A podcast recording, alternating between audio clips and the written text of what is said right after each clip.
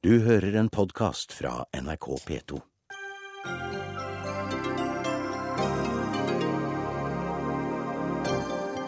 Helseministeren vil ha Behring Breivik i fengsel, selv om han blir erklært utilregnelig. Strøm-Eriksens helsefengsel er et gufs fra fortida, svarer kriminolog. 16. mai skal Nathan på sju returneres med familien til Etiopia. Ingen kan returneres til et land de aldri har vært i, sier poeten Jan Erik Vold. Da heter det deportering. Mens 17. mai skal feires med pomp og prakt av norske artister i Nord-Korea, med støtte fra UD. Usmakelig, mener Frp.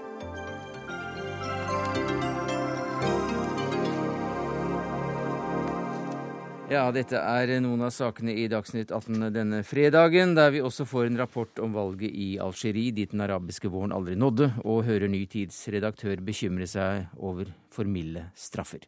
Men vi begynner med det som skjedde i rettssal 250, der obduksjonsrapporter og overlevendes skildringer er blitt møtt med stille gråt av tilhørerne inntil i dag. Knut Magnus Berge, du kommenterer denne saken for oss. Hva var det som skjedde? Det var jo eh, da slik at en var ferdig med nesten alle obduksjonsrapportene. Nå har en altså i seks dager gått gjennom eh, på det tidspunktet da 68 av 69 obduksjonsrapporter. Eh, en veldig fortetta, følelsesladd stemning inne i rettssalen, slik det har vært hele veien under denne presentasjonen. Og da er det altså at en av tilhørerne røyser seg, kaster en sko mot uh, Anders Behring Breivik, som da treffer hans forsvarer Vibeke Hein Bæra, mens han roper 'killer'. Uh, 'You killed my brother. Killer. Go to hell'. Uh, og han ble relativt raskt tatt hånd om av politiet og ført ut, mens han fortsetter da med sine tilrop.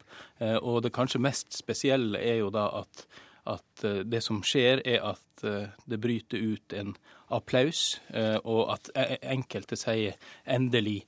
Så en skal, for å forstå dette, tror jeg, ha en, en følelse for eh, hvilken stemning som er i den rettssalen. Jeg vil nesten si at eh, det er overraskende at ikke noe i denne retninga har skjedd tidligere. Hvem er denne mannen? Eh, han er da broren til en av eh, de som ble drepne på Utøya. Eh, han er fra Irak og har overvært obduksjonsrapporten om hans bror, som ble lest opp i retten i går, og hadde da møtt fram igjen for å følge rettsmøtet også i dag. Kan dette få noen konsekvenser? Eh, det kommer an på eh, for, hvem. Det kan eh, tenkes at det kan få konsekvenser for han. Jeg tror ikke det. En har allerede nå vært inne på at han bør kunne få komme tilbake til tinghuset dersom han ønsker det, og følge rettssaken videre. For rettssakens videregang tror jeg ikke at dette mm. får noen konsekvenser. Jeg vil tro at eh, i en så spesiell sak, så er dette som skjedde i dag, et scenario som politiet nok har forestilt seg på forhånd, og at det slik sett er kalkulert inn i den eh, sikkerheten som eh, allerede er på tinghuset, og den er ganske omfattende. Også i dag kommenterer Behring Breivik eh, underveis etter vitneforklaringer på hva da? I dag eh, hadde han eh, faktaopplysninger knytta til det som skjedde ved pumpehuset. Eh, dette var jo åstedet for en av de verste massakrene på Utøya. På, på pumpehuset der ble 14 mennesker drepne. Og han tok ordet, fikk det ikke umiddelbart, ble bedt om, eller han fikk beskjed om at han måtte vente til etter lunsj, og da fikk han lov å kommentere dette. Han eh, fortalte da at eh, han var blitt eh, angrepen én gang på Utøya, at det var noen som hadde kasta noe imot han, og at det var ved pumpehuset. Og et par andre ting han ønsket å legge til, som var rene faktating knytta til hans oppfatning av hvordan ting skjedde. Men disse kommentarene de er jo da små detaljer som ikke har noe å si for for det store bildet. Hva er de uttrykk for, tror du? Det vet jeg ikke, men en får jo inntrykk av et menneske som ønsker å ha eh, kontroll. Han vil være med å definere hvordan dette var, hva som skjedde. Og det stadfester i alle fall for meg at han følger veldig nøye med på det som blir sagt. Det har jo vært kommentert eh, tidligere underveis her at han ikke gir uttrykk for noen følelser. Det har vært vanskelig å vite hva som går føre seg eh, inne i hodet hans mens eh, disse tingene foregår i retten. Men det er helt tydelig at han følger svært nøye med, og at han ønsker å bidra til at, dette, at faktum her blir slik han mener det var. Fire uker er gått av denne saken. Hva skjer i retten neste uke?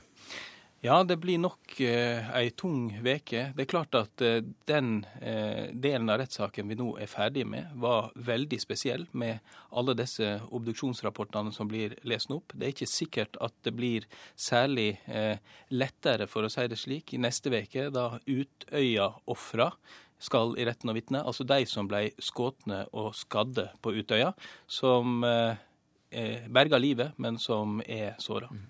Takk skal du ha, Knut Magnus Berge, kommentator her i NRK. Eh, Eivind eh, Rindal kommer inn i eh, studio. Han var, eller du var, tidligere fylkessekretær i AUF i Nord-Trøndelag, og du overlevde massakren. I dag var det din tur til å vitne om flukten fra, fra Utøya. Du flyktet da med Utøya-båten Reiulf. Andre i denne båten har sagt at eh, du reddet deres liv. Hva var det som skjedde? Eh, vi kom eh, etter å ha flyktet rundt på Utøya og gått fulgt den omtalte kjærlighetsstien rundt omtrent hele øya, så kommer jeg til sydspissen av øya, hvor jeg da plukker opp en del folk og får dem med meg videre oppover langs eh, da østsiden av øya, oppover i retning av der brygga er. Og når vi kommer til brygga, så eh, ser vi at det er flere folk der. Og, og er, vi ser også at båndet Reiulf ligger der. Og da tar jeg på en måte initiativ og, og ber ja, nå løsne fortøyningene, hopp om bord, nå, nå drar vi. Og Eh, vi kom oss da i gang, og vi fikk da eh, kommet oss ut, eh, ut fra land og begynte å ro.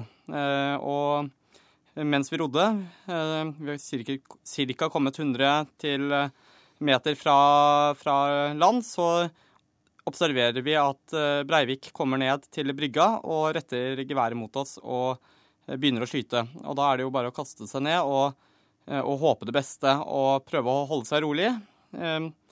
Han eh, gir heldigvis opp å skyte etter ikke så altfor eh, for mange sekunder. Og eh, det føltes jo som et helt år, men det var ikke mange sekundene. Og når jeg da ser opp igjen, så ser jeg at han da går tilbake inn på øya. Og da er det jo bare å forte seg og ro enda litt mer, sånn at vi kommer oss enda mer i sikkerhet.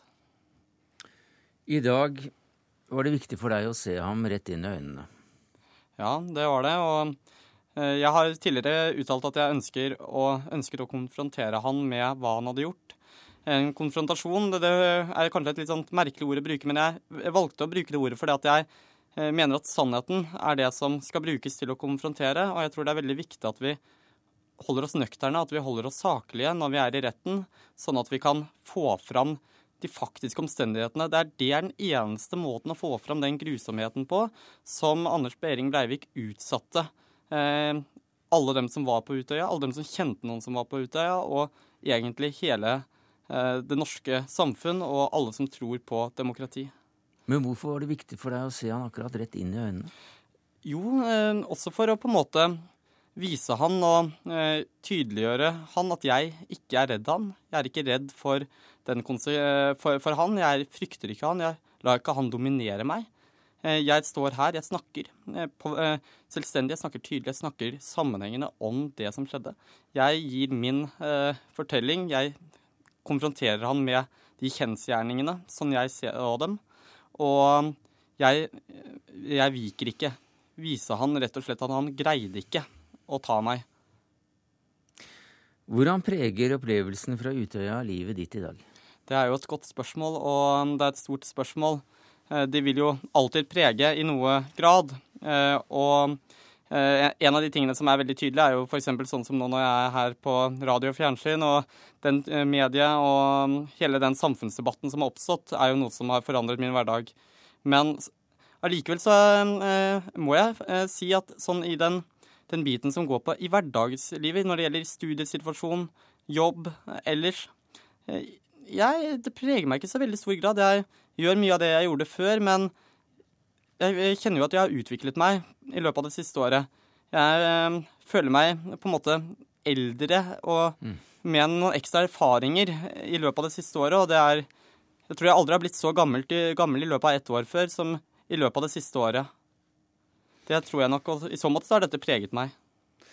Du sover i hvert fall godt. I dag så forsov du deg en halvtime. Ja, jeg var Skulle Jeg hadde en intervjuavtale med TV 2 i dag morges, så det ble litt mer hektisk på hotellet eh, enn jeg hadde, hadde ventet. Men eh, jeg er en uh, travel mann, og det er mye som skjer. Og, og det er jo viktig med søvn. Men jeg har appetitt, og, og, og, søvnlysten den har ikke blitt dempet i løpet av det som har skjedd, og kanskje heldigvis også. For det er mye som skjer, og det er mye som man må forholde seg til. og selv om alt var veldig ordnet i retten i dag, og det er veldig enkelt for den som skal være vitne, så er det allikevel mye som skjer. Og, og jeg vil si at men all honnør til alle dem som legger til rette og legger en stor innsats. For det er de små detaljene. Det lille vannglasset på, mm. på, på venteværelset før du kommer inn i rettssalen. Eh, de korte, effektive kommentarene på hvordan gjøre ting fra statsadvokaten. Det er de tingene som gjør det enkelt for vitnene nå. Det er, er noe jeg i hvert fall setter veldig stor pris på. Vi satte pris på at du kom til Dagsnytt 18. Takk skal du ha, Eivind Rindal, tidligere fylkessekretær i AUF og overlevende fra Utøya.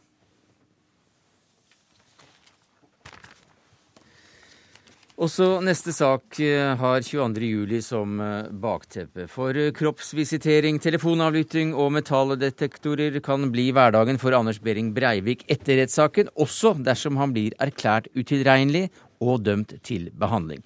I dag la nemlig du, helseminister Anne Grete Strøm Eriksen, fram et forslag til endringer i loven for psykisk helsevern. Og hva er det du foreslår? Foreslår sterkere sikkerhet på de regionale sikkerhetsavdelingene. Vi har tre slike i Oslo, Bergen og Trondheim.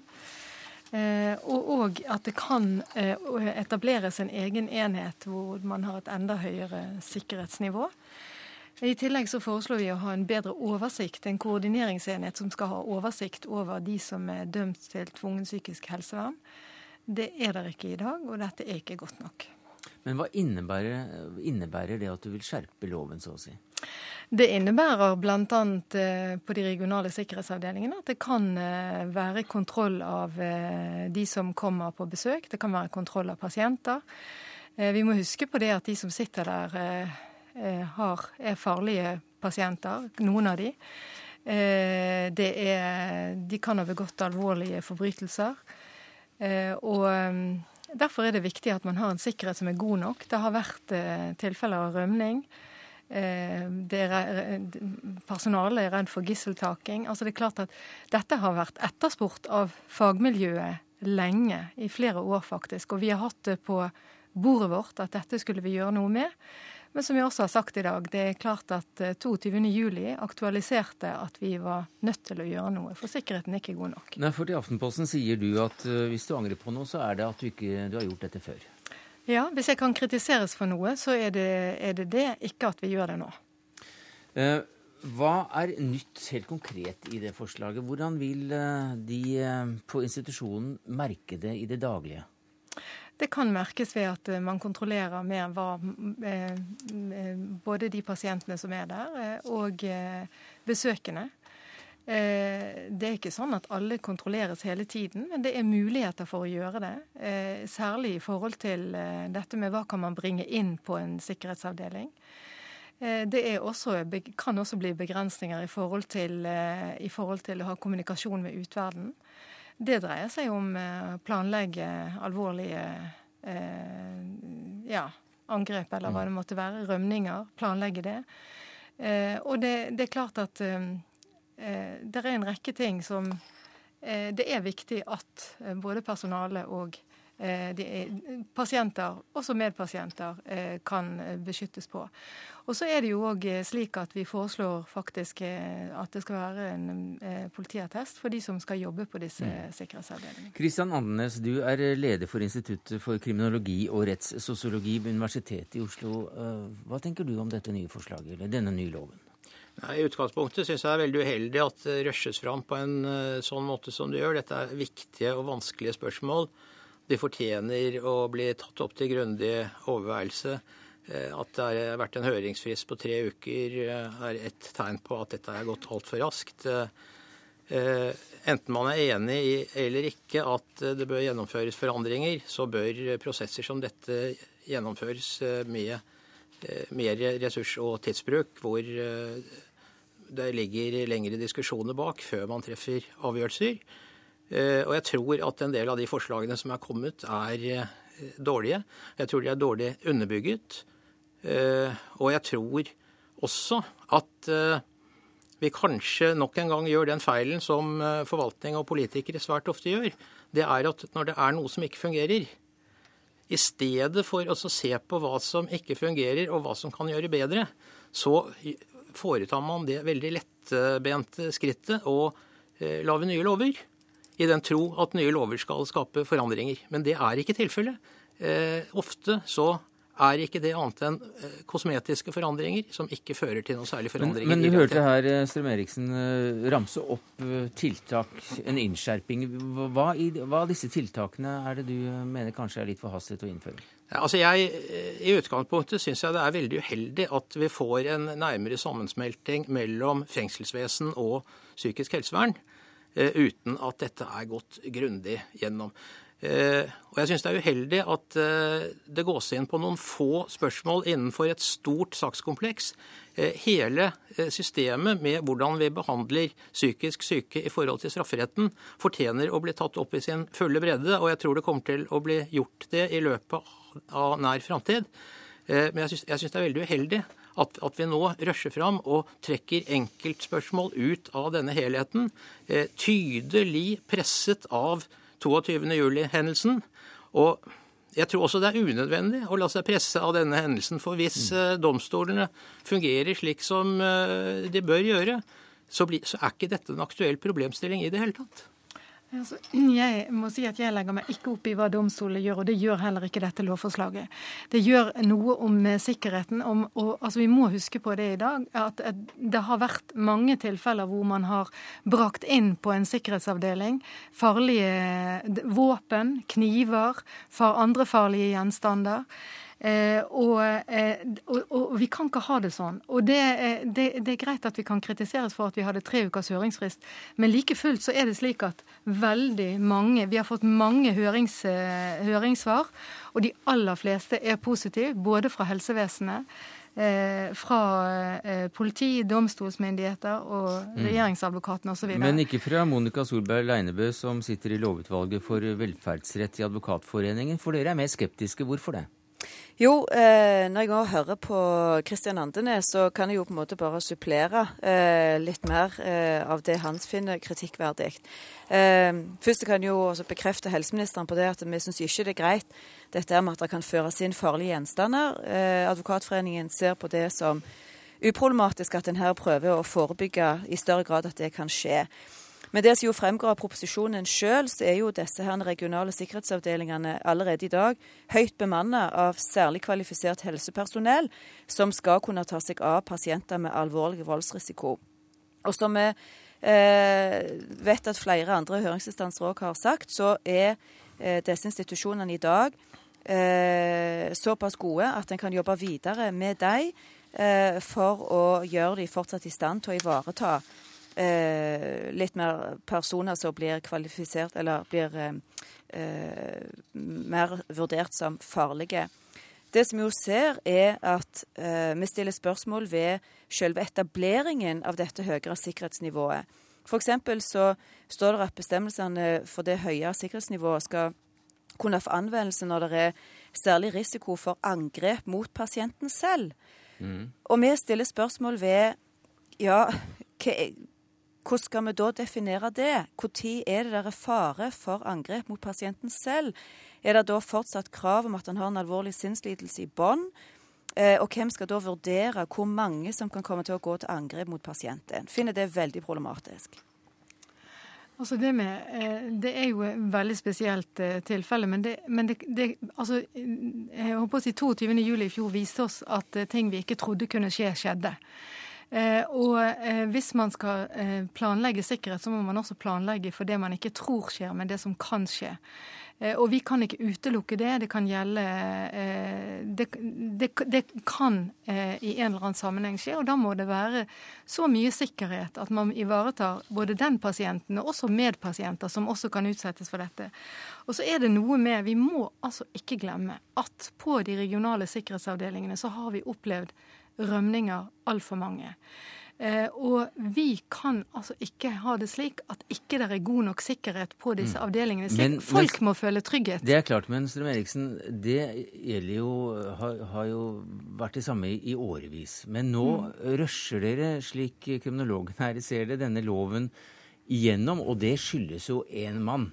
Jo, men altså det Så man lager også en ny lov ut ifra Ja, en men- enkelt Men hvor mange ganger skal jeg da si at ja, hvis det er noe jeg kan anklages for i dette, så er det at jeg ikke har startet dette før. Men bare diskusjonene som kommer her, viser jo at dette er ikke bare veldig enkelt å gjøre. Vi har ikke, dette er ikke noe hastverksarbeid i departementet. Dette har vi gjort grundig.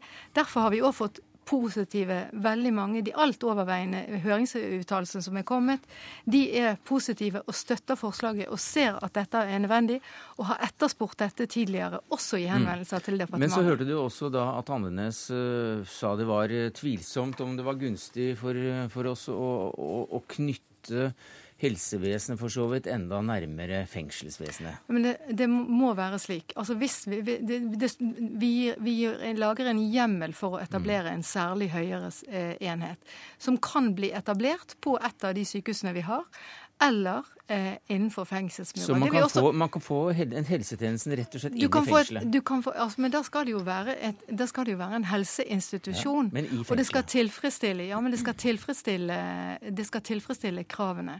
Mm. Alternativet er å etablere en helt egen som de har i Sverige, eh, og, eh, hvor det er eh, tilstrekkelig Mm. eh, sikkerhet rundt. Og det, det, da er det jo en vurdering som må gjøres. Er det tilstrekkelig sikkerhet til å etablere en sånn enhet ved de regionale sikkerhetsavdelingene, eller er det ikke det i dag?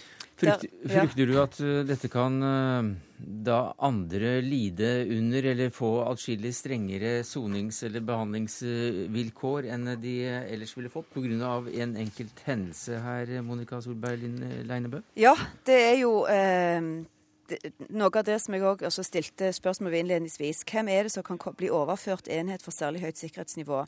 Eh, da, sånn som vi forstår dette forslaget, så gjelder jo både de som er innlagt fordi de har en alvorlig sinnslidelse med at, og de er særlig farlige etter kapittel 3, eller at de er dømt, dømt på tvungent psykisk helsevern. Strøm Og så- Eriksen, kan du kort svare på det? Altså De som skal vurdere hvem som skal, skal på en sånn, et høyere sikkerhetsnivå, det er jo den behandlende lege. Det er jo de som skal gjøre beslutningen beslutningene her. Og, det, og jeg har lyst til å understreke at når det er en helseinstitusjon, så vil det være de samme dyktige sykepleierne som er der i dag. Det vil være psykiatere og helsepersonell.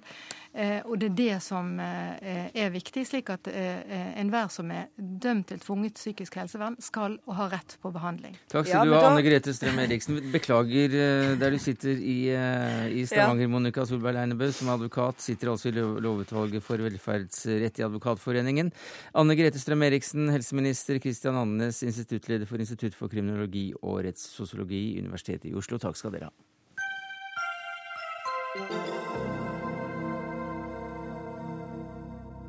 I går eh, var det valg i Algerie. Det første på flere år i landet som den arabiske våren aldri helt nådde. Og Jenny Holmsen, du er rådgiver i Algerie og og algerikjenner ved International Law and Policy Institute. Hvorfor nådde aldri denne våren dette landet? Eh, Det kan det jo være flere grunner til. Eh, For det første har jo Algerie en litt annen historie. Eh, Hele 90-tallet var jo preget av blodig borgerkrig mellom islamister og regimets sikkerhetsstyrker. Så du har jo altså en traumatisert befolkning som kanskje har vært mer opptatt av politisk stabilitet enn enn, eh, store politiske prosjekter. Hvilke, hvilke forventninger var i så fall knyttet da til det valget som, eh, som var i går? Eh, ikke så veldig store, og interessen har jo også vært eh, ganske laber. Eh, det tror jeg først og fremst skyldes at nasjonalforsamlingen blir oppfattet som politisk irrelevant, og folk ser ikke helt poenget med å stemme, i og med at eh, det, er, altså, det er jo et presidensielt system i Algerie, hvor eh, nasjonalforsamlingen har lite reell innflytelse. Så Det er nok en av grunnene. På den annen side så er det klart at valget finner nå sted i en kontekst som er preget av store regionale politiske endringer, og hvor også president Bouteflika har lovet omfattende politisk reform og demokratisering på hjemmebane. Sigurd Falkenberg Mikkelsen, Midtøsten-korrespondent for NRK. Hvordan har valget gått så langt? Det har gått eh, rimelig greit ut fra et sånt uh, sikkerhetsperspektiv. Uh, men det ser ikke ut til at oppmøtet har vært uh, særlig stort. Myndighetene hevder at det har vært så mange som 42% deltakelse. Det høres ganske høyt ut, i hvert fall i forhold til det oppmøtet som blir rapportert om fra valglokalene. Sånn at Det kan nok være lavere enn det. Altså det journalister og andre på stedet sier, er at det er stort sett vært ganske tomme valglokaler eh, rundt om. Men det er altså utenlandske observatører til stede i landet under dette valget, og det er vel noe forholdsvis nytt? Ja da, eh, President Bouteflika har invitert eh, rundt 500 utenlandske observatører. Det er ikke et veldig stort antall gitt Algeries størrelse. Uh, og De har heller ikke fått innsikt i alle prosessene. Men altså lederen for valgobservatørene sa at valget hadde foregått under rimelig greie omstendigheter. mens et av de religiøse islamistiske partiene derimot påstod at det hadde vært, vært, mye, vært, vært mye, valgfusk da, til fordel for det regjerende partiet FNL. Når er det vi kan forvente et resultat her? Det er snakk om at det skulle komme i løpet av dagen. Eh, men sannsynligvis så vil de maktblokkene som finnes i Algerie holde seg sånn noenlunde stabile, hvor eh, FNL er litt eh, på vei nedover, men regjerer fortsatt. Det er jo det statsbærende partiet siden, siden de kastet ut franskmennene. Og så har de en allianse med et par andre partier, inkludert et moderat islamistparti. Men de har jo et problem som dere var inne på tidligere, fra 90-tallet. Men også nå så er jo uh, Al Qaida ganske aktive uh, sør i landet. Men jeg tror det største problemet her er en, uh, ungdoms, et ungdomskull som er fullstendig apatisk i forhold til politikk. Takk skal du ha, Sigurd Fakenberg Mikkelsen i Midtøsten for NRK. Ja, Holmsen, hva slags valg er det egentlig? Det er valg til nasjonalforsamlingen med 460 seter. Som altså ikke har så mye å si? Nei. Ikke... Og dermed så er det ikke så rart at uh, litt uh, ufok ufokusert uh, ungdom som ikke har, ser den store framtiden, blåser i hele greia. Ja. Det er analysen. Men hva da med historien? Du, du, sa at dette landet her skiller seg jo fra de andre landene i regionen pga. den blodige historien. hvor langt tilbake i tiden må vi da for å forstå det som skjer nå? Altså, du, har jo, du har jo selvfølgelig frigjøringskrigen, um, som varte åtte år og ble avsluttet i 62. Men så har du også Frankrike, de Gaulle. Ja. Mm. Hvor, uh, men så har du jo selvfølgelig også dette, Det som er interessant, er jo at regimet i dagens Algerie baserer jo fortsatt hele sin retorikk på denne, på denne opplevelsen. Og, og, av de som, besitter, altså de som sitter i nøkkelposisjoner, er jo bare gamle såkalte frigjøringshelter. Eh, mens, mens, over 70 eh, av befolkningen er under 35 og klarer jo ikke helt å identifisere seg med denne type retorikk.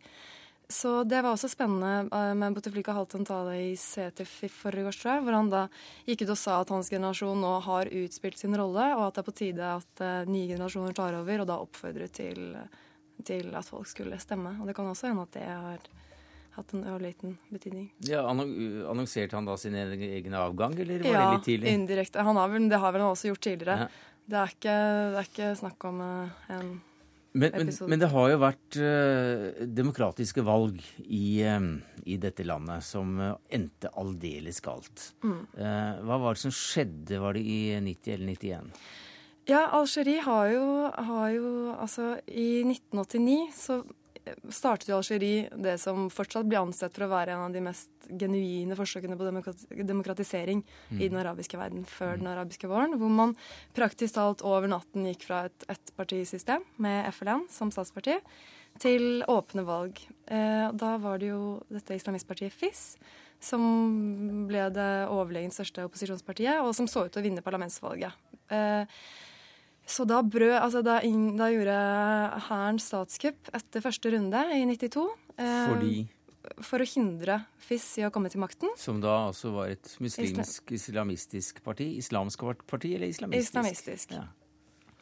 Eh, som, og hvor det da brøt ut en borgerkrig mellom regimets sikkerhetsstyrker og da radikaliserte islamistiske fraksjoner.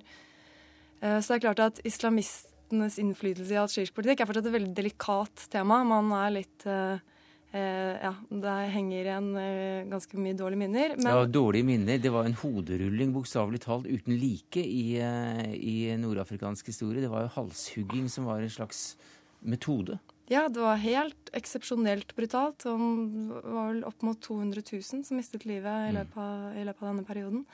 Men det den også har ført til, som kanskje også forklarer hvorfor Algerie ikke har liksom blitt med i denne islamistbølgen som har vært i resten av Nord-Afrika, er jo at også islamistbevegelsen i Algerie er dypt splittet etter borgerkrigen mellom de, de, mer moderate partiene, som fortsatte å delta i politikken, og, og det gamle FIS-elektoratet og de, altså de radikale bevegelsene, som, som, da selvfølgelig ikke har deltatt. Hvordan går det med dette landet, da, som egentlig er ganske rikt pga. store gassressurser?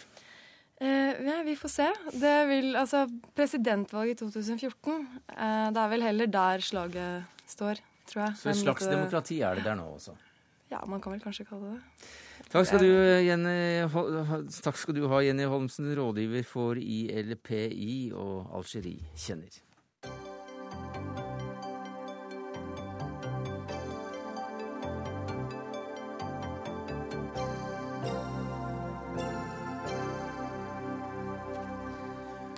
For en uke siden i dag fikk Nathan Esete og foreldrene hans det endelige avslaget fra Utlendingsnemnda. Familien sendes tilbake til Etiopia i neste uke, hvis den da ikke får bli mens en varslet rettsprosess pågår. Utsendelsen av sjuåringen Nathan har ført til det største engasjementet siden Amelie-saken for et drøyt år siden, med støttegrupper, aksjoner og arrangementer med artikler og opptil flere dikt, eh, signert en av våre mest kjente poeter. Så hvorfor engasjerer du deg i denne saken, Jan Erik Vold? Nei, eh, jeg er en eh, stemme fra folket. Dette er urimelig. Og vi i et sosialdemokratisk, under et sosialdemokratisk regime kan vi ikke leve med sånn urettferdighet. Det er dessuten en retorikk som er ute og går her, som ikke stemmer helt. Så, så det første av de der to diktene som er skrevet, det, det, handler rett og slett om uh, språkbruk. Og, og, og, og, språk er makt. Og uh,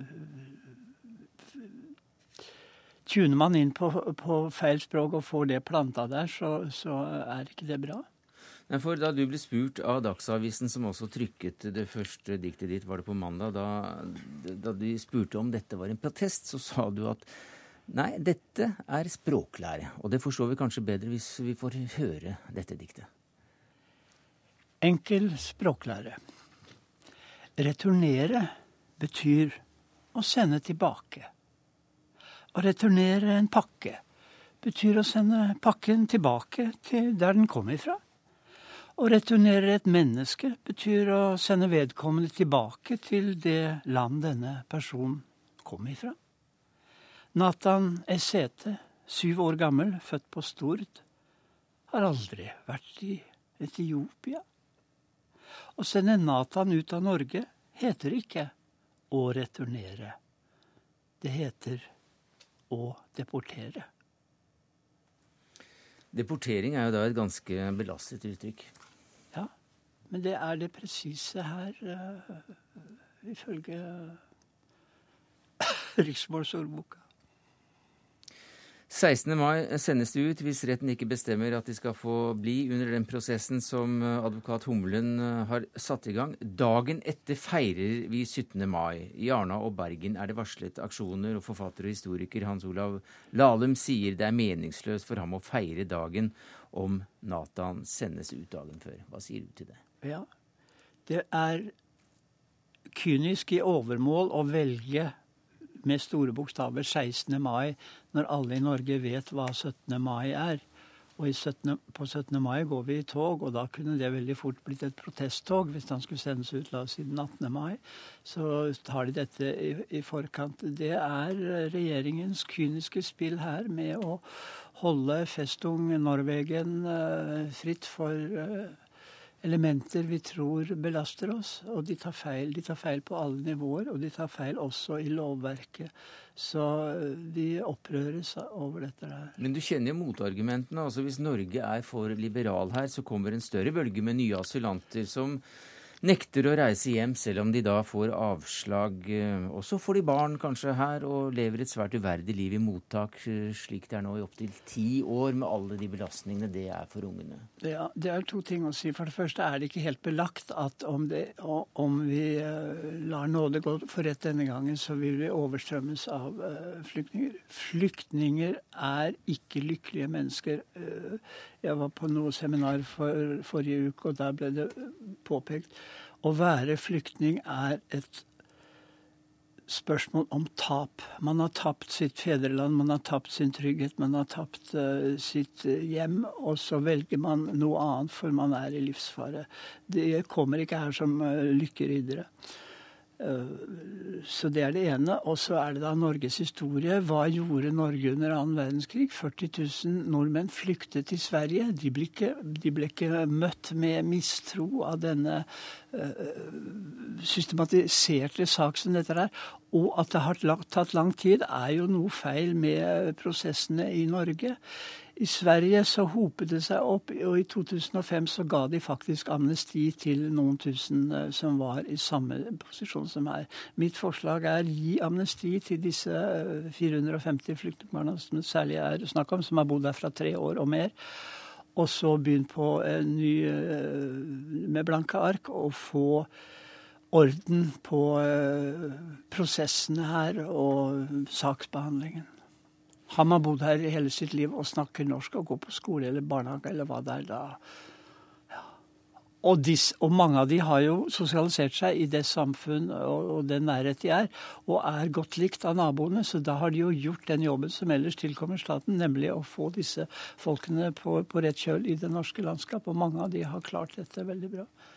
Og som jeg har sagt så mange ganger, uten innvandrerne stanser Norge. Og vi har jo nå prognoser om hvor mange vi kommer til å bli om 20-30-40-50 eh, år. Det kommer til å strømme inn utlendinger uansett. Så vi er i en folkevandringsperiode. Norge må ta litt av sitt ansvar. Vi plukker opp oljen fra Barentshavet, der aldri noen nordmann har satt sin fot, med å få verdenssamfunnet til å godta at det er norsk jord. Så vi er Europas rikeste land. Vi kan ikke drive Europas usluste flyktningpolitikk. Men vi hadde vel ikke vært Europas rikeste land hvis vi hadde latt alle som ville komme, Nei, komme? men det er ikke snakk om veldig, veldig mye. Dette her er, dette er eh, en dråpe i havet. Det er lite penger i forhold til uh, oljefondet og litt av hvert annet. Du bruker altså dikt som et politisk våpen her? Ja, våpen og våpen. Eh, noen har det som yrke. Og så så jeg plutselig på dette. altså Nesten det samme argument som jeg bruker i dette diktet om det der om forskjellen på å returnere og deportere. Brukte jeg i en svær kronikk i Aftenposten. Da ble det lite lagt merke til. Det er åpningen av en prosatekst, dette her. Men når det kommer Altså, det er jo litt hyggelig for poesiens vegne at om man kan formulere seg eh, skarpt og slik at mange legger merke til det, så, så, så, har du gjort noe som en svær eh, kronikk, eller kanskje til og med en svær bok, ikke nytter med. Diktet har en verdighet, også det moderne diktet som ikke rimer, i kraft av linjedelingen, og i kraft av at det får mm. litt luft rundt seg på avissiden, så folk kan lett Ja, kan du lese en linje, og så lese en linje til, plutselig har du lest hele diktet, så har du skjønt det. Vi hadde selvsagt invitert både Justisdepartementet og statsministerens eh, kontor ved statsministeren selv til å være med i denne saken. De, eh, de, er her ikke, men du har da skrevet et dikt til om denne saken. Kan ikke du lese det for oss? Det heter Enkel rettslære. Utlendingsloven paragraf 69, gyldig fra 15. mai 2008, sier En norsk statsborger kan ikke utvises. En utlending som er født i riket, og som senere uavbrutt har hatt fast bopel her, kan ikke utvises. Konklusjon. Norge bryter mot Norges lover om Norge nekter opphold for Nathan Esete, syv år, fått på Stord, som ikke har bodd noe annet sted enn i Norge.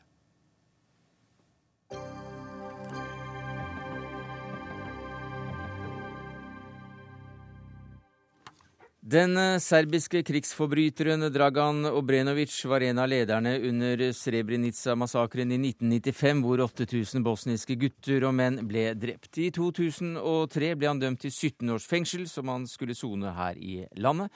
Nå har han blitt løslatt etter halve tiden fordi han skal ha oppført seg så bra i fengsel. Og dette fikk eh, deg til å reagere, og du tok fram begrepet naivisme i dag, Dag Herbjørnsrud. Som redaktør av tidsskriftet Ny Tid så skriver du på lederplass at det er ofrene som må betale prisene. Hva mener du med det? Ja, jeg setter det også noe i sammenheng med det vi ser i tingrettssalen eh, nå i disse dager. Mm. Apropos altså skokasting eh, og ofrenes reaksjon i, i, i tingrettssalen angående eh, den tiltalte der. Eh, og, og bare linken her også da til eh, til Srebrenica og Serbia, var jo nettopp det at eh, den tiltalte i tingretten jo nettopp har disse som sitt forbilde, eh, de som sto bak disse massakrene. Men naivisme, hvorfor det? Ja, det, det går jo spesielt eh, på kanskje hele denne prosessen. Det er jo selvfølgelig satt på spissen som vanlig, men, men vi, vi, ser vel det at eh, i hvert fall den allmenne rettsfølelse, som noen ville si, Eh, støtes til tider, da. Han slapp for tidlig ut? Vel, i dette tilfellet, jeg argumenterer ikke nødvendigvis for lange straffer og slikt. Men, men her ikke, gjør du det? Vel, jeg antyder vel at veldig mange syns at, eller i hvert fall undertegnede meg, at, mm. at disse ni år eh, i fengsel, når han, han, ble dømt til 17 år, mm. og så slipper han ut pga. god oppførsel eh, etter ni år. Eh, og jeg bare påpeker at eh, for å ha deltatt da, i et eh, massedrap på 8000 mennesker, så er ikke det i, i internasjonalt sammenheng så veldig mye. Og han slapp jo ut da ganske tidlig. Eh, og, og, jeg setter dette litt i sammenheng med at vi kanskje ikke helt eh, nødvendigvis ser alvoret også i den symbol effekten dette har, da også internasjonalt. Hva slags symboleffekt? Vel, altså, Det gir jo ikke nødvendigvis eh, den største avskrekkende effekt eh, på folk der ute at, eh, at, de slipper eh, ut såpass tidlig. For vi må jo også se det litt i sammenheng med hva man ellers kan få ni år i fengsel eh, for å gjøre. Men så er jeg selvfølgelig fullt klar over at ja, så er det jo vanlig da at man slipper ut etter to tredjedeler ja, Men ikke, ikke bare halvgått tid, kanskje. Kristian Annes, du er fremdeles instituttleder ved Institutt for kriminologi og rettssosiologi i Universitetet i Oslo. Hva sier du til, til Herbjørnsrud her? Ja, nei, jeg syns han blander kortene litt. Og, eh, altså, de, den behandlingen av serberen, den er eh, grunnleggende sett eh, noe som er eh, internasjonale myndigheters ansvar. Det er eh, domstolen i Haag, og det er eh, Norge har vært vertsland for ham som fange. og han har sluppet ut etter såpass mye soning som er nokså vanlig i denne type forhold. Hvis vi går tilbake til rettsoppgjøret etter krigen i Norge, de som var så heldige at de slapp å bli henrettet, eh, men fikk livsvarig straff, det var ingen av dem som satt lenger enn tolv år. Da var alle som hadde vært dømt for straffbare forhold under annen verdenskrig i Norge, frie menn. Og gikk tilbake til sine plasser i samfunnet. Og det var ingen som reagerte på det. Ja, eh, Nå syns jeg også Andenes kanskje blander litt kortene. fordi vi må jo huske at eh, Srebrenica-massakren, hvor 8000 mennesker ble bevisst eh, myrdet og henrettet, det er noe helt annet enn det som også skjedde av massakre i Norge. Og spesielt da de som ble tiltalt av norske menn etter det, bortsett fra Rinnan og Quisling, som, også ble henrettet. Så, så, det blir nok også litt feil å sammenligne der sånn. Da er det jo mer Auschwitz dette handler om. og, og de som ble straffet etter Auschwitz, de fikk en ganske tydelig straff. Jeg bare påpeker igjen at, at de har i hvert fall muligheten, norske domstoler hadde her muligheten til å holde på mm. denne mannen en god del flere år enn det de har gjort nå. Ja, altså Man kan godt diskutere lengden på dette, men altså, å gjøre dette til et norsk ansvar mener jeg eh, blir galt. Men Hva slags signaleffekt eh, mener du at det har at en eh, som er delaktig og har drept 8000 unge og, og eldre menn, går fri etter ni år? Altså, Jeg syns ikke det er så veldig viktig om vedkommende sitter i ni år, eller om han sitter i 30 eller, eller 40. Ni år er ganske lenge, det også. Eh, det, altså det å bli fratatt friheten i ni år, det, det, vil føles ganske lenge for eh, alle mennesker som, som eh, blir utsatt for det. Og eh, altså krigsforbrytelser begått i andre land, det er noe annet enn eh, ordinær kriminalitet. Eh, og her, er, her, ligger det altså internasjonal lovgivning og en internasjonal domstolsavgjørelse til grunn for det som er skjedd. Og så er det vanlig at utlendinger blir sluppet litt tidligere fri fra norske fengsler fordi at de ikke har nytt godt av de samme godene som norske fanger, i form av permisjoner eh, osv. Men altså, man kan godt diskutere at vedkommende burde ha sittet lenger. Men altså, hovedpoenget mitt er at dette her er ikke eh, et norsk ansvar. Og Derfor syns jeg at det er å blande kort og føre kronikken, eller lederen, rett over i eh, Behring Breivik-saken i Norge, som i sin helhet er et norsk ansvar. Men eh, Herbjørnsrud, du skriver også eh, om den pågående prosessen i rettssal 250. Og antyder vel at, at gjerningsmannen her også blir behandlet veldig pent. Ja, jeg ser dette i sammenheng. For det første er jeg veldig uenig i at det er stor forskjell på uh, år og 30 år i fengsel. Det mener jeg er en meget stor uh, forskjell, spesielt for ofrenes familie. Mm. Vi må tenke på hvor grusomt det er å oppleve for uh, kvinner og barn av disse myrdede menn. Og tusenvis av dem lever i Norge i dag. Det er tusenvis som kom til dette landet, og de lever her i dag. De leser norske aviser, de ser.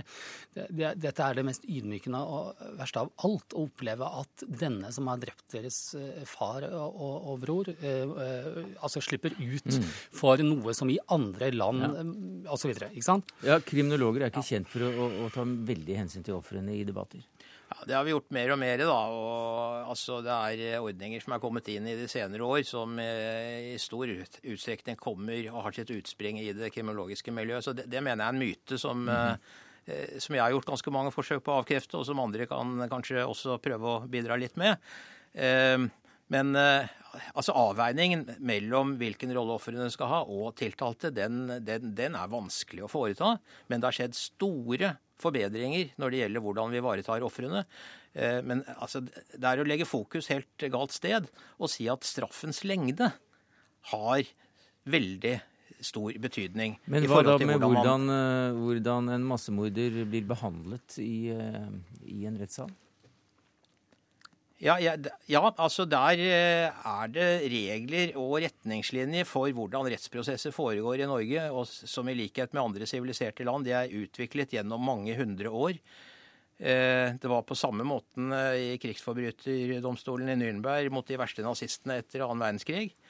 Eh, de har ytringsfrihet. Eh, og det strider mot det vi har eh, vokst opp med i Norge, at folk skal sitte mm. bundet og, i lenker i, i norske rettssaler. Altså, det er ett land i den vestlige verden som skiller seg negativt ut, og det er USA. Som knapt kan kalles et sivilisert land når det gjelder måten de driver rettsvesenet sitt på. Ja, ja, nå skal det sies at det kommer en del reaksjoner også på, på det norske systemet og, og, og, behandlingen av Breivik akkurat nå. Så det, det, er også en veldig må jeg si, internasjonal sak. Og det er veldig viktig å ha for seg her at hvordan vi behandler denne tiltalte, som også drepte statsborgere fra veldig mange andre land enn bare kun Norge, har noe å si. Eh, det jeg påpeker her som kanskje et dilemma, kaller det naivisme, var vel f.eks. dette eksempelet med håndjernene. Altså at man lot han i de første dagene få, få frie eh, tøyler, bokstavelig talt, og lot han komme fra, fram med denne hilsen. Og så ser vi etter hvert at eh, så finner man ut at ja, men ja, dette er jo da støtende, opplever jo igjen ofrene. ikke sant? Og de må da så å si be om at han ikke gjør denne hilsen. Mm. Og så finner man jo ut etterpå at ja, men det er jo faktisk slik at han kan ha håndjernet på fram til uh, rettssaken uh, sakene, sa, rettssalen at det er satt. Uh, og, så, og så på den måten så unngikk man jo dette PR-stuntet. Men Dag Hermelsrud, som ansvarlig redaktør for Nytid, som jo er kjent som en venstresidens avis, så uh, får du kanskje noen reaksjoner når du uh, står fram som, et, uh, som et talsperson som det virker da for strengere straffer og mer harde soningsforhold? Ja, Det kan kanskje virke som et paradoks slik du formulerer det nå, men samtidig så er hovedfokuset her først og fremst å holde på de rettsstatlige prinsippene vi allerede har, og at vi følger den dommen på, på 17 år som, som, er gitt internasjonalt når det gjelder denne krigsforbryteren, og samtidig at vi ikke lar høyreekstreme som dette her få fritt spillerom til å spre sin propaganda til en hel verden. For vi må huske på at dette er jo liksom ikke bare journalister i Akersgata som får med seg hva han sier. Altså, dette er en hel verden som følger med på denne saken, mm. og, og, som lar seg inspirere. Takk skal du ha, Dag Herbjørnsrud, altså ansvarlig redaktør for Ny Tid. Takk skal du ha, Christian Andenes, instituttleder for Institutt for kriminologi og rettssosiologi ved Universitetet i Oslo. Dagsnytt 18 alle hverdager klokka 18.03 på NRK P2.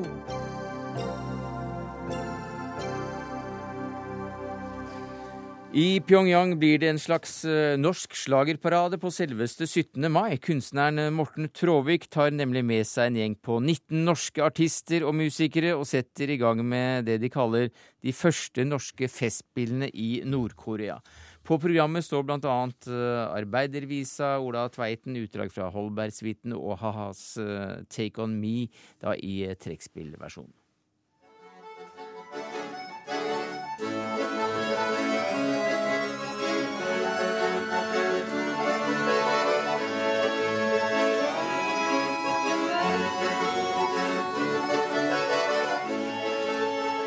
Ja, denne troppen, eller truppen eh, fra Nord-Korea som spiller uh, a-ha, den har vi jo hørt eh, før da vi snakket med deg om en seanse ved Kirkenes, Tråvik. Men nå må du snakke om det som skal skje i Nord-Korea på 17. mai. Gjerne.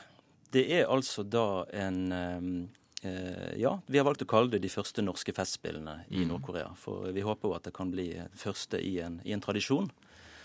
Um, og der tar jeg med meg uh, et utvalg av fremtredende norske musikere med bakgrunn i jazz. Uh, per Sanussi, Kjetil Møster, Frode Haltli og Per Oddvar Johansen.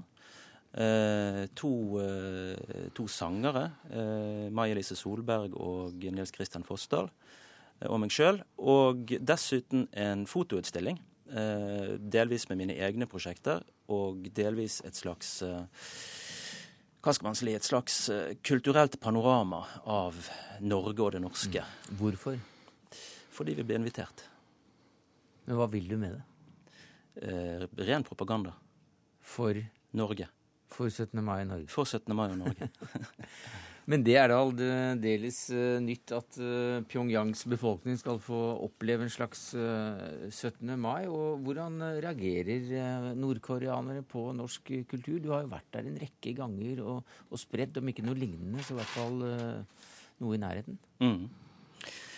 Altså, Min erfaring er jo at folk altså Jeg har alltid blitt møtt med vennlighet og nysgjerrighet mm. på både min person og også på det jeg holder på med. Når jeg har kommet gående med en diskokule under armen over Kim Il-sung-torget, eller tatt bilde av meg sjøl med grensepolitioberster mot grensen til Sør-Korea f.eks., med rockegitarer eh, i favnen, så, så, er det alltid en Det er ikke alltid de forstår, men de er vennlig innstilt og nysgjerrige. Um, og dette handlingsrommet som nå har munnet ut i det foreløpig største uh, happeningen, da, som er det, de norske festspillene i Pyongyang, har jo er utvidet gjennom tre-fire års eh, gradvis eh, Hva skal man si eh, Legge sten på sten i forhold til å bygge tillit. Til de nordkoreanske myndighetene. Eh, dette prosjektet er støttet av både Kulturrådet og Norsk utenriksdepartement. Gjermund Hagesæter, du er stortingsrepresentant for Fremskrittspartiet og en av de få som har vært i Nord-Korea, og det er ganske nylig. Hva syns du om prosjektet? Nei, jeg blir egentlig bare trist og lei når jeg hører om dette. At det er noen som lar seg altså eh, utnytte av det nordkoreanske regimet på denne måten. Eh, Nord-Korea er det verste regimet, eh, det mest lukka landet og det mest kyniske og brutale regimet vi har i verden i dag.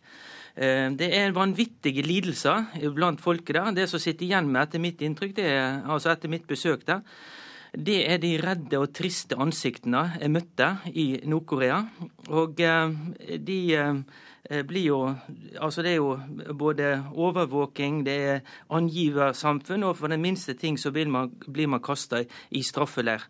Og, og, Jeg håper jo det at det regimet bryter sammen, men dessverre så tror jeg nok det at sånne initiativ som blir tatt der, vil altså være med på å bygge opp under mm. autoriteten til regimet, og vil gjøre at de kan undertrykke sitt eget folk eh, mer og lenger enn de ellers kunne gjort. Og Det syns jeg er trist og leit. Altså, Jeg syns jo det er trist og leit at uh, Brendesæter synes det er trist og leit. Uh, men uh, selve argumentasjonen er jo helt standard. Altså, Den helt uh, standard fra nederste og billigste hylle i argumentasjonsboden. Um, for, men samtidig som jeg syns det er veldig interessant at Brendesæter har vært i Nord-Korea. Jeg vet ikke hvem denne Brendesæter er, jeg altså, men det er nå greit nok. Hagesæter. Oi, Hagesæter. Beklager. Jeg beklager. Um, det var altså eh, Jeg tror at i og med at han har en så totalt ulik oppfatning av Nord-Korea etter å ha vært der, som det jeg har, um, og jeg tror vi har vært ganske mange av de samme stedene, uh, så spør jo jeg meg sjøl om hvor mye av uh, Hagesæter sine opplevelser som er farget av det han allerede har bestemt seg for å mene da han kom til Nord-Korea. Og det Deri ligger mye av problemet med vår oppfatning av, av ikke bare Nord-Korea, men forskjellige kulturer som skiller seg fra vår egen. Ja, Jeg var der en uke, jeg og kona vi var på ferie. Og Det organiserte programmet det var jo for så vidt det viste de det, vi ønste, det de ønsket å vise oss. Eh, vi ble riktignok fratatt mobiltelefon når vi kom inn i landet. Eh, det var jo da pga. at man ikke skulle kommunisere, og i hvert fall ikke gi det til andre, mobiltelefonen til andre. Men jeg fikk heldigvis seks timer med internasjonale Røde Kors. Og da så jeg en virkelighet som guidene altså ikke eh, viste meg. Eh, og det var en brutal virkelighet. Vi var og besøkte en landsby der det er fattigdom, der det er rett og slett eh, at man lever i et terrorregime.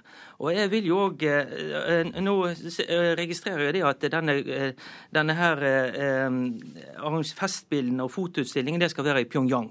Og Da syns jeg det er viktig å understreke det at Pyongyang det er elitene sitt, mm. sin tumleplass. Der er det bare de privilegerte som får bo. De som bor utenfor Pyongyang, de er nødt til å søke om tillatelse til å dra inn til Pyongyang også på dagsturer. Men, du, må, Tråvik, jeg må nesten få spørre Tråvik her eh, fra studio i, i, Oslo. Du sitter i eh, Hagesæter.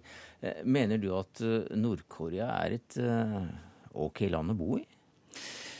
Um, nei, men jeg mener at det er mer OK å bo i enn det Hagesæter og, og mange av skrekkscenaristene ja um, igjen og igjen fremmaler. Men Men altså, jeg tror, dør av fullt som fluer der, og regimet har jo total kontroll over meningsdannelsen med altså den, den, verdens strengeste sensur. Akkurat den diskusjonen har vi ikke tid til å ta her, tror jeg. fordi at den krever for mange nyanser og for mye mm. bakgrunnskunnskap. Men jeg tror at jeg og Hagesæter egentlig er grunnleggende enig jeg, i hva vi ønsker for Nord-Korea. For jeg tror vi begge to ønsker at, og mm. mener at Nord-Koreas befolkning fortjener å få det veldig mye bedre enn det de har det nå.